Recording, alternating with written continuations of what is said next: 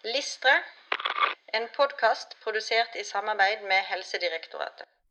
Alm 022 ha kjennskap til særtrekk ved allmennmedisin og utfordringer ved legearbeid i uselekterte populasjoner. Ja, nå reiser man jo et veldig interessant poeng. Ja visst, dette, dette er viktige saker. Ja, fordi at det som dette læringsmålet sier noen ting om, er at allmennlegen, i hvert fall som spesialist i allmennmedisin, så skal man kunne forholde seg til en uselektert populasjon.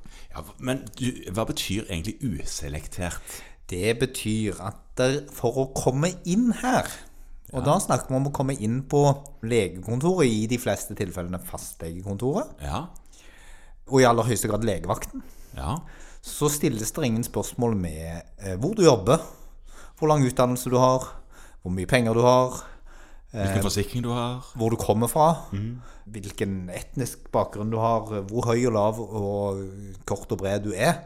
Altså, det er ingen kriterier for, for inngangen, annet enn at du trenger legen, Ja, og du selv ønsker å få konsultert en lege med en medisinsk problemstilling.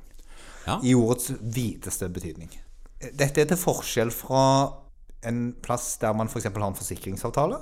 Det blir en selektert. For da har man selektert gruppen på, på at de i hvert fall har fått lov til å inngå denne forsikringen. Ja, At de har tegna den og har økonomi til å gjøre det. Det er f.eks.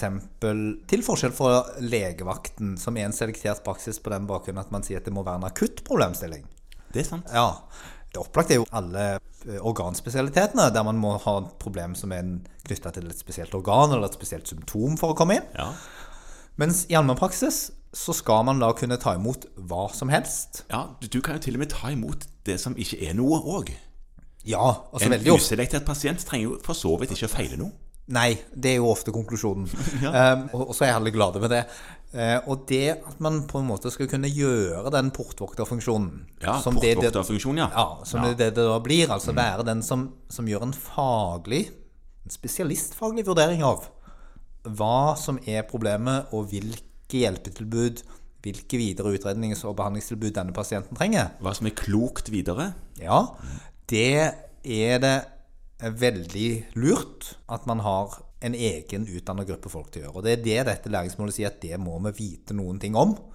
Eh, Det tas opp behørig på grunnkurs.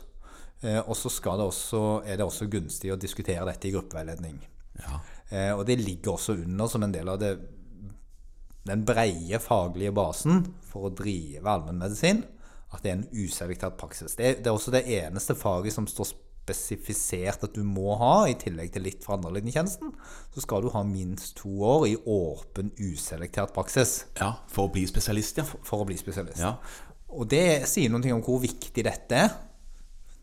Man kan jo litt morsomt si at det er fire ganger så viktig som å være på sykehus. Ja, det, det, Hvis du regner på det, så, så, er det, så er det sånn det blir. Ja.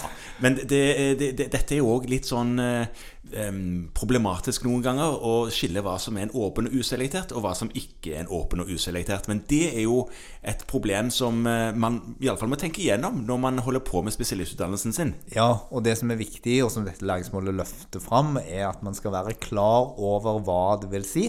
Iallfall har drøfta det. Ja. Og skal ha erfaring med det og kompetanse i det. Ja. Det å kunne motta alle mulige problemstillinger og håndtere de videre på en faglig forsvarlig og god måte.